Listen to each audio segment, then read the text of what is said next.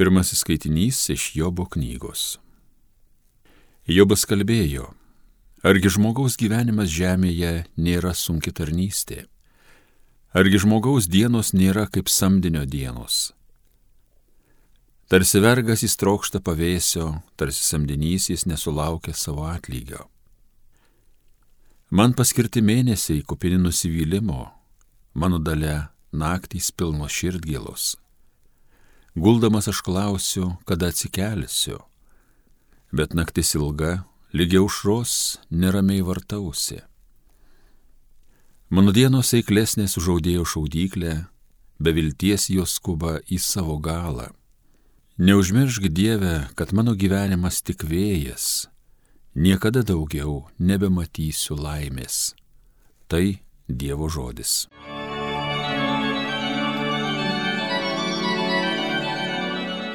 Šlovinkite viešpatį, jis gydo sužeista širdis. Šlovinkite viešpatį, gera gėdoti šlovinimo giesmės mūsų Dievui, nes malonu ir teisinga jį garbinti giesmę. Viešpats Jeruzalę atstato, Izraelio tremtinius jis sugražina. Šlovinkite viešpatį, jis gydo sužeistas širdis. Jis gydo sužeistas širdis ir žaizdas jų aptvarsto. Žvaigždės jisai suskaičiavo, vardu kiekvieną jų vadina. Šlovinkite viešpatį, jis gydo sužeistas širdis. Didis mūsų valdovas ir galingas, jo išmintis begalinė. Viešpats drąsina nulankiuosius, o nedorėlius nubloškia į dulkes.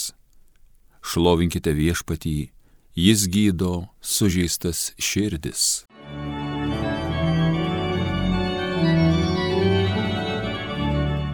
Antrasis skaitinys iš Šventojo Paštalo Pauliaus pirmojo laiško korintiečiams. Broliai ir seserys, kad aš skelbiu Evangeliją, tai neturiu pagrindo girtis, nes tai mano būtina prievolė ir vargas man, jei neskelbčiau Evangelijos Jeigu tai daryčiau savo valia, gaučiau atlygį. Bet kadangi darau ne savo valia, tai atlieku tik man patikėtą tarnybą. Koks tad atlygis? Ogi, kad skeldamas Evangeliją pateikiu ją veltui ir nesinaudoju teisę, kurią man duoda Evangelija. Būdamas nuo nieko nepriklausomas, aš pasidariau visų vergas, kad tik daugiau jų laimėčiau. Silpniesiems pasidariau silpnas, kad laimėčiau silpnuosius. Visiems tapau viskuo, kad vienaip ar kitaip bent kai kuriuos išgelbėčiau. Visą tai darau dėl Evangelijos, kad būčiau jos dalininkas. Tai Dievo žodis. Alleluja.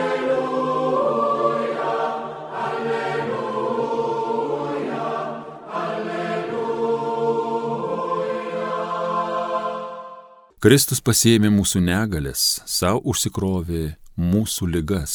Alleluja, alleluja, alleluja. Pasiklausykite Šventojios Evangelijos pagal Morku. Išėjęs iš sinagogos, Jėzus su Jokūbu ir Jonu iškart nuėjo į Simono ir Andriejaus namus. Simono uošvė gulėjo karšiuodama, ir jie tojau apie tai jam pasakė. Jis priejas pakėlė ją už rankos, karštis paliovė ir ji galėjo jiems patarnauti. Atėjus vakarui, kai saulė nusileido pas Jėzų sugabeno visus ligonius ir demonų apsistuosius. Visas miestas buvo susirinkęs prie durų. Jis pagydė daugelį sergančių įvairiomis lygomis, išvarė daug demonų ir neleido demonams kalbėti, nes jie žinojo, kas jis. Labai anksti, dar neprašvitus, Jėzus atsikėlęs nuėjo į negyvenamą vietą ir tenai meldėsi. Simonas ir jo draugai nusekė iš paskos ir, suradę jį, pasakė, visi tavęs ieško. Jis atsakė, eikime kitur, į gretimus miestelius, kad ir ten skelbčiau žodį, nes tam esu atėjęs. Ir keliavo po visą Galilėją, skelbdama žodį jų sinagogose ir išvarinėdamas demonus. Girdėjote viešpatė žodį.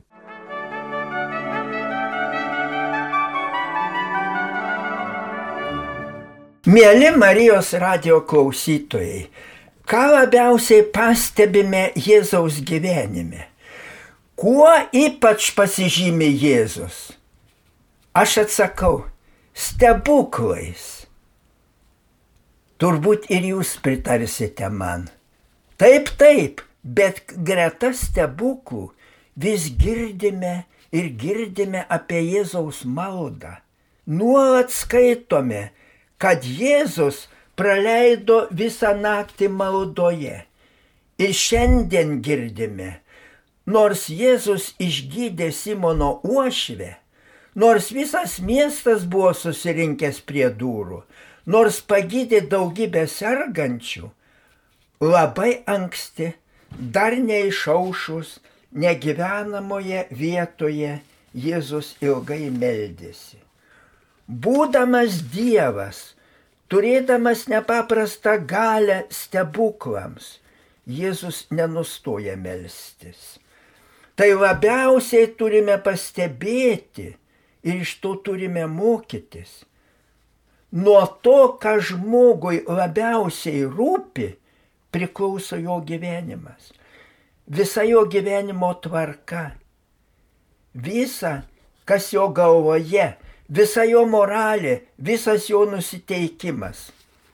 Garsusis rusų rašytojas Aleksandras Solženicinas buvo religingas. Jo pasaulyje žiūrai didelę įtaką turėjo ne tik Jėzus, bet ir rašytojai. Jis ypatingai mėgo Dostojevskį, Tolstojų, jų kūrybą. Tai jauti skaitydamas bet kokią Soženicino knygą, bet kokią jo raštą.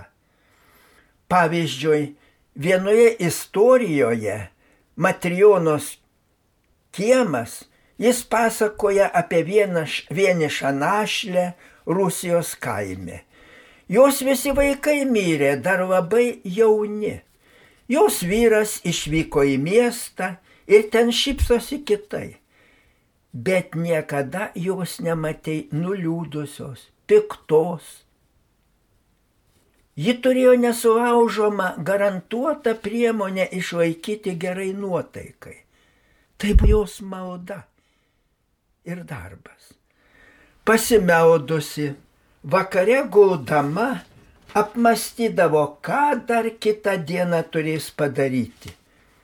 Kai rytą keldavosi, ketvirtą ar penktą valandą, tuoj pat po maldos jį imdavo daryti visus suplanuotus darbus.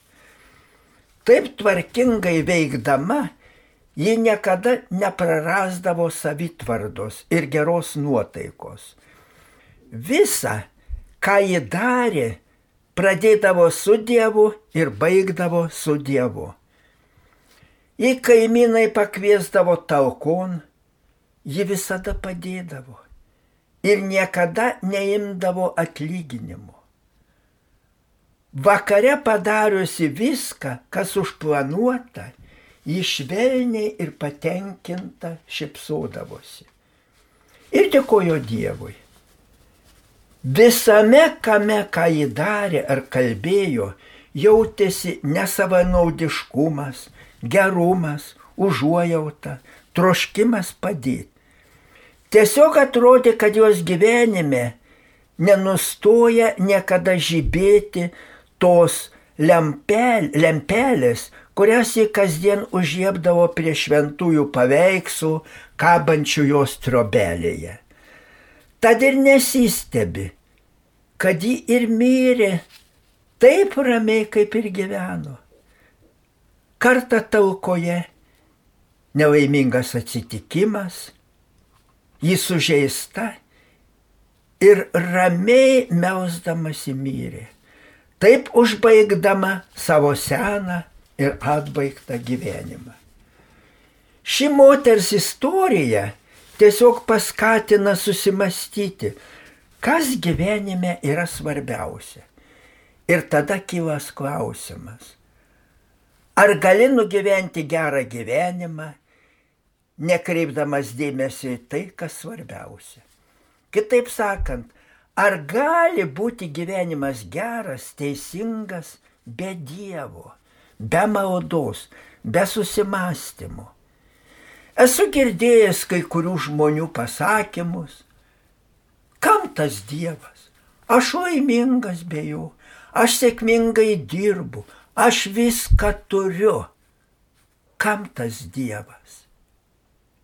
Mėly Marijos radijo klausytojai, pamastykim, Jeigu žmogui nereikia Dievo, jeigu jis niekada nesimeldžia, jam rūpi tik tai, kad prieistų, kad turėtų patogumų, malonumų. Bet kuom tada jis skiriasi nuo kokio gyvūno? Juk ir gyvūnui to užtenka, o žmogus turi galvoti aukščiau. Koks aš? Kokią pažangą darau? Koks aš esu kitiems žmonėms? Va apie tai turi mąstyti ir masto tikras žmogus, kuris maldoje bendrauja su Dievu. Girdėjome šiandien, mokiniai Jėzui sakė, visi tavęs ieško. Jėzus visada gyveno su žmonėmis, ėjo per žemę gerą darydamas, gydydamas sergančius, skelbdamas žodį Ir tos moters pagalbos visi ieškodavo. Kodėl ji tokia buvo? Ji gyveno su Dievu, ji gyveno malda. Nori, nenori susimastai. Ką duoda žmogui malda? Ką duoda bendravimas su Dievu, nuolatinis bendravimas? Ar neatsako į tą klausimą visi šios dienos skaitiniai? Kaip įsakmei šaukia psalmi, garbinkit viešpati. Ir atsako, kodėl to reikia. Jis gydo sužeistas širdis, net sužeistas gydo. Ar nebuvo pirmame skaitini minimo Jobo širdis, visa jo dvasia nelaimė sužeista. Bet jis nesužlugo, atsilaikė melsdamasis Kodėl toks tvirtas tapo šventasis Paulius? Meldėsi ir visus jis moko maldos. Šios dienos psalmė išvardina, už ką reikia viešpati Dievą garbinti, už ką jam dėkoti. Taip visų pirma dėkoti, ypač ragina 103 psalmė, prisimenant visą tai, ką Dievas tau padarė. Neužmiršk, ką viešpats tau padarė. Taip, taip, daugybė psichologų pabrėžia, kad šiandien, kai taip daugelis žmonių nepatenkinti, taip dažnai skundžiasi, taip dažnai krinta į nevilti, pasiduoda depresijai, yra tik viena tikra priemonė surasti už ką dėkoti Dievui. Taigi, broli sesė, prisimink, ką jis tau yra padaręs gerą, neužmiršk to ir dėkuk. Tokia padėka, tokia malda duoda ne tik ramybę, bet ir džiaugsmą. Danų filosofas Zirenės Kirkegoras rašo, aš skusdavaus, Aš dėjuodavau, aš buvau amžinai nepatenkintas, kol ėmiau melstis.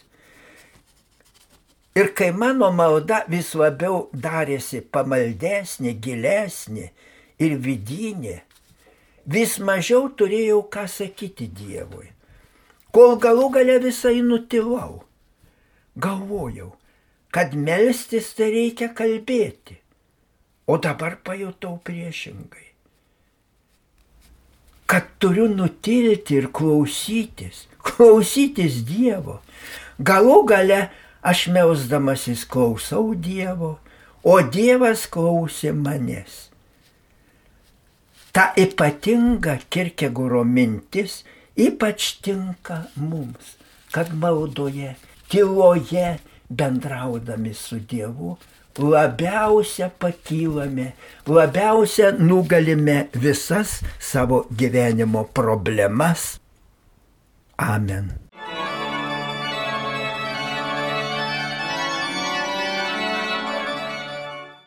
Homilyje sakė panevižio vyskupas emeritas Jonas Kauneckas.